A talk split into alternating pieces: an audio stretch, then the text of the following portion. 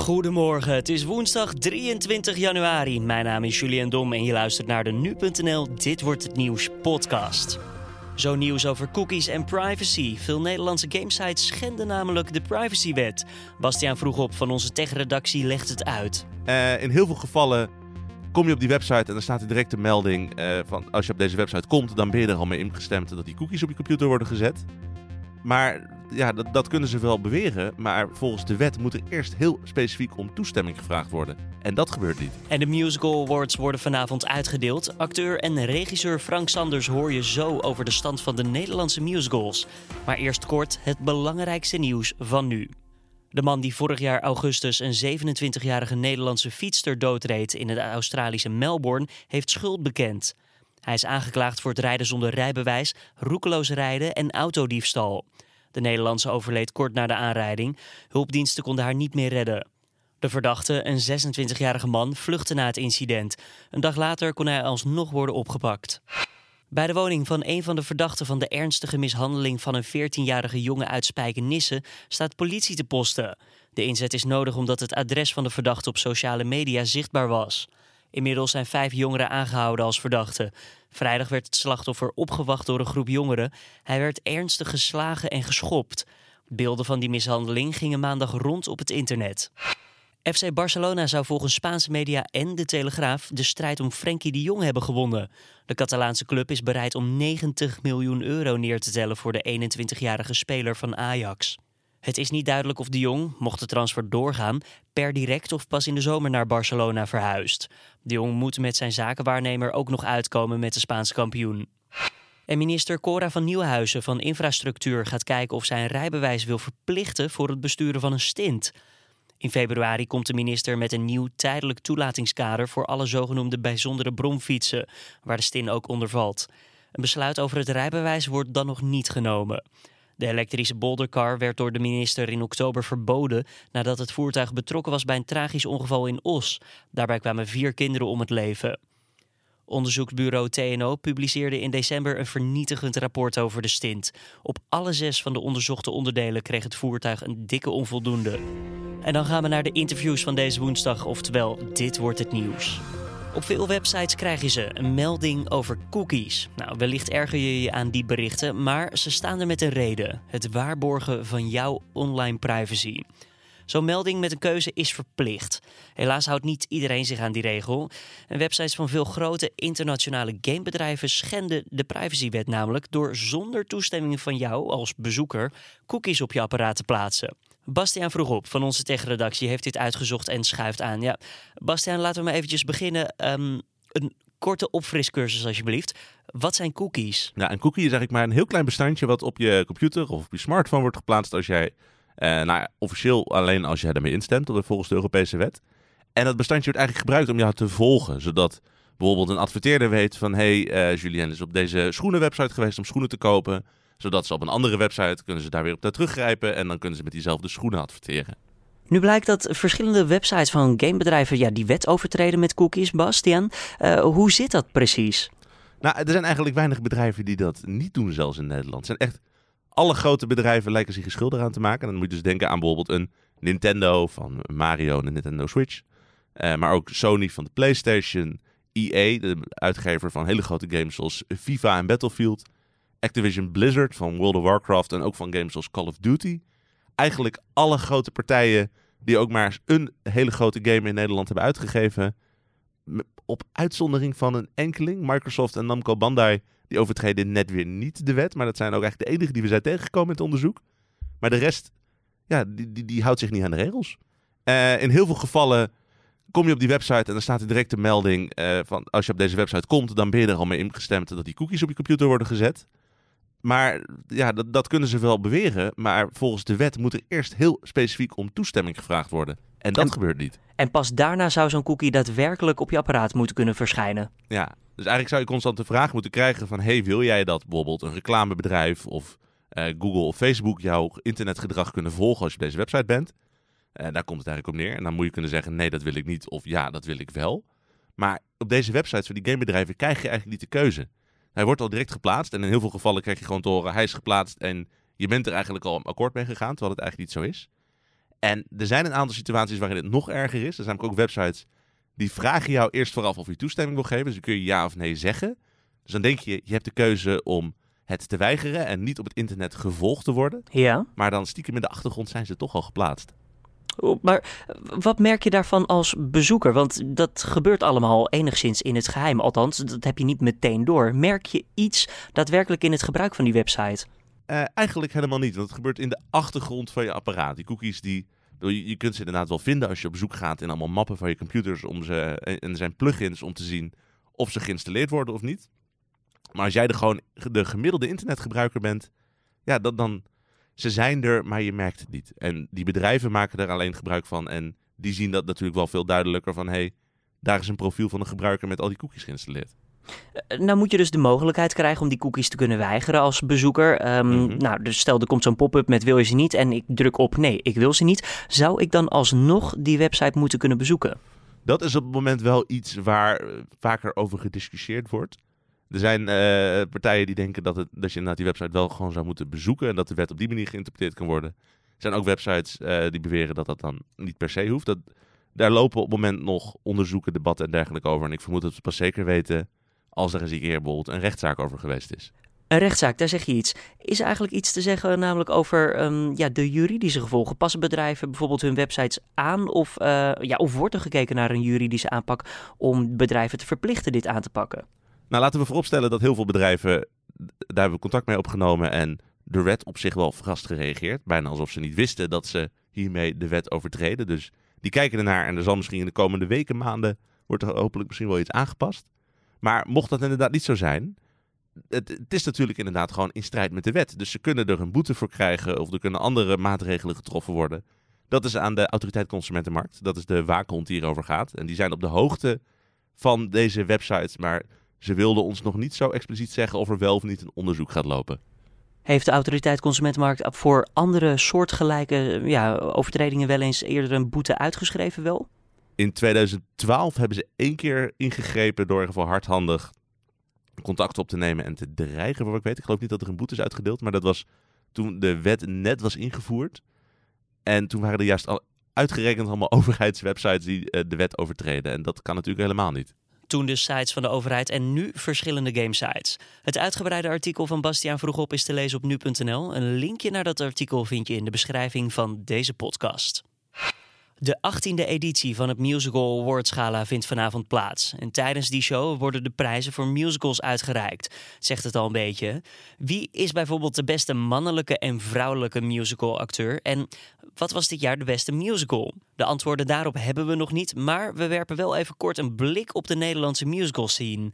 En dat doen we met Frank Sanders, onder meer acteur en regisseur en ook nog eens bekend van de Frank Sanders Academie, een theateropleiding in Amsterdam.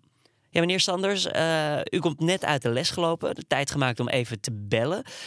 De eerste vraag die bij mij te binnen schiet: komt er al heel snel nieuw musical talent aan? Nou, of dat op korte termijn is, dat durf ik niet te beweren. Maar wel dat er veel musical talent is in Nederland. Ja. Hier op, de, op, op, mijn academie ook. Maar ook op andere uh, opleidingen. Er is uh, best heel veel talent. Uh, ja, zowel mannen als vrouwen kunnen tegenwoordig uh, behoorlijk uh, mooi zingen en spelen. En, en sommigen ook gewoon heel, heel, heel mooi dansen. Ja, dat gaat best goed. Nou ja, daar zegt u eigenlijk al iets natuurlijk. Zingen, spelen, dansen. U moet dat als geen ander weten. Je moet het allemaal kunnen. En als ik naar een popconcert kijk, ja, zingen en dansen is vaak al ontzettend lastig. Hoe moeilijk is het dan wel niet om alle drie te kunnen? Ja, het is ook de drie disciplines zelf uh, beheersen is ook heel ingewikkeld. Er zijn heel weinig triples, sowieso in de hele wereld zijn er weinig mensen die echt alle drie disciplines op hoog niveau beheersen. Maar er zijn wel heel veel mensen die in ieder geval twee inmiddels, twee van de disciplines heel goed beheersen. Dus bijvoorbeeld zingen en spelen of zingen en dansen. Uh, en dat is ook al, al best heel, heel erg knap en veel. En um, ja, vaak boet het een een beetje in. Iemand die, die bijvoorbeeld heel goed kan dansen en heel goed kan zingen, is meestal niet zo uh, toneelspelmatig aangelegd. Ja. Terwijl mensen die heel mooi kunnen acteren en zingen, meestal moeilijk, geen dansers zijn, maar wel movers. Wel mensen die wel heel goed kunnen bewegen inmiddels. En dat is in Nederland inmiddels uh, wel een behoorlijk hoog niveau hoor. Oké. Ja, gaat heel goed. Want hoog niveau zegt u, kunnen we een vergelijking maken al, komen we een beetje in de buurt bij het Verenigd Koninkrijk of de Verenigde Staten qua kwaliteit? Nou, de, nee, de Verenigde Staten, dat is net wel een leak te hoog, denk ik. Want het, het lijkt wel alsof de mensen daar met de paplepel wordt ingegoten. Hebben ook een andere ambitie daar. Het is uh, daar toch een ander volk, zou ik maar zeggen. Maar bij wat mensen op West End uh, doen, daar steken wij uh, niet schilder af. Integendeel. Nee hoor, dat komt behoorlijk in de buurt. Ja. Oké. Okay. En ja. waar ligt dat dan aan? ligt dat aan de opleidingen of ligt dat aan mensen, ja, hebben er meer zin in tegenwoordig? Publiek wil meer musicals zien in Nederland? Enig idee? Nee, ik denk, ik denk een, een, een, aantal van de dingen die je nu opnoemt, dat die daar wel mee te maken hebben. Ja. Het vak wordt meer gewaardeerd. Inmiddels nog lang niet goed genoeg, maar het wordt wel beter gezien als een ambacht. Waardoor je begrijpt dat je er iets voor moet doen. Je moet er hard voor werken. En de mensen die dus dat vak willen gaan uitoefenen, gaan dat dan ook vrij jong al doen. Dus ze beginnen jonger aan musicaltheater. En als ze dan merken dat ze dat uh, heel goed kunnen en willen doen, en dat hun ambitie daar ook ligt, dan zoeken ze een opleiding waardoor het vak zelf uh, ook beter wordt. En ook door de buitenlandse musicals die, uh, er zijn gekomen, werd ook de lat behoorlijk hoog gelegd voordat het überhaupt hier gespeeld mocht worden. Dus al bij al heeft dat er wel voor gezorgd dat er een groter publiek is ontstaan, maar ook dat het niveau van de spelers gegroeid is. Ja. Is het ook nog allemaal een beetje te bolwerken? Want de afzetmarkt is natuurlijk wel iets kleiner dan bijvoorbeeld in het Verenigd Koninkrijk. Terwijl, nou ja, voor een Lion King, je moet Timon en Pumbaa hebben. Je kan Ja. niet, uh, één, van de twee posten kan je niet wegbezuinigen. Nee, nee, dat klopt. Ehm, ja, dan moet het duidelijk. eh, eh, we- ja, we moeten hier wel. We worden hier wel geconfronteerd om duidelijke keuzes te maken in wat voor soort musicals we, we- we- er geproduceerd worden. En de, de hele de grote eh, Amerikaanse shows, dat lukt redelijk, maar we kunnen er hier niet eh, 60 rijk doen natuurlijk. Bovendien is daar ook geen zoveel speelplek is er ook niet. En zoveel geld is er natuurlijk ook niet. Want nog steeds is musical eh, voornamelijk een, een kwestie voor vrije producenten om in te investeren. Ja, En dan is het ook nog een hele dure grap natuurlijk. Hè? Je, bedoel, stel dat je een cast hebt van acht man, dan zal er ook een orkestje moeten zitten. En er moet ook een geluidsman zijn. En er moet een kostumier zijn. En er moeten decors zijn. Dus het is meteen ook een hele dure eh, kunstvorm. het is ook een enorme gok dan om zoiets op te zetten. Ja, ja, dat is echt een enorme gok. Ja. Maar er, er is eh, licht aan de horizon. Eh, in ieder geval, de, de Raad van de Kunst heeft besloten dat er eh, ook eh, inmiddels subsidies voor vrijgemaakt zullen moeten worden. Willen we niet alleen eh, achterblijven, maar willen we gewoon dit vak in leven willen blijven houden door ook nieuw materiaal te ontwikkelen. En ook jonge mensen kilometers te laten maken in, in ja, wat moeilijkere musicals, zou ik maar zeggen. Musicals die niet uit het buitenland komen, maar die van eigen grond komen en op een andere manier geproduceerd worden. Nou, nou ja, daar zegt u ehm, iets, inderdaad, van eigen grond. Want ehm, als ik even kijk naar de grote shows die tijdens de awards kans maken op een prijs. Evita Ja. en The Addams Family zijn beide komen overwaaien vanuit het buitenland. En Wolf Side Story, ja, nou ja, gebaseerd natuurlijk op een bekend verhaal, maar niet 100% Nederlands, als ik dat mag zeggen. Is er Nee. iets wat we, ja, nou eigenlijk mijn vraag is, waar zijn onze eigen originele verhalen?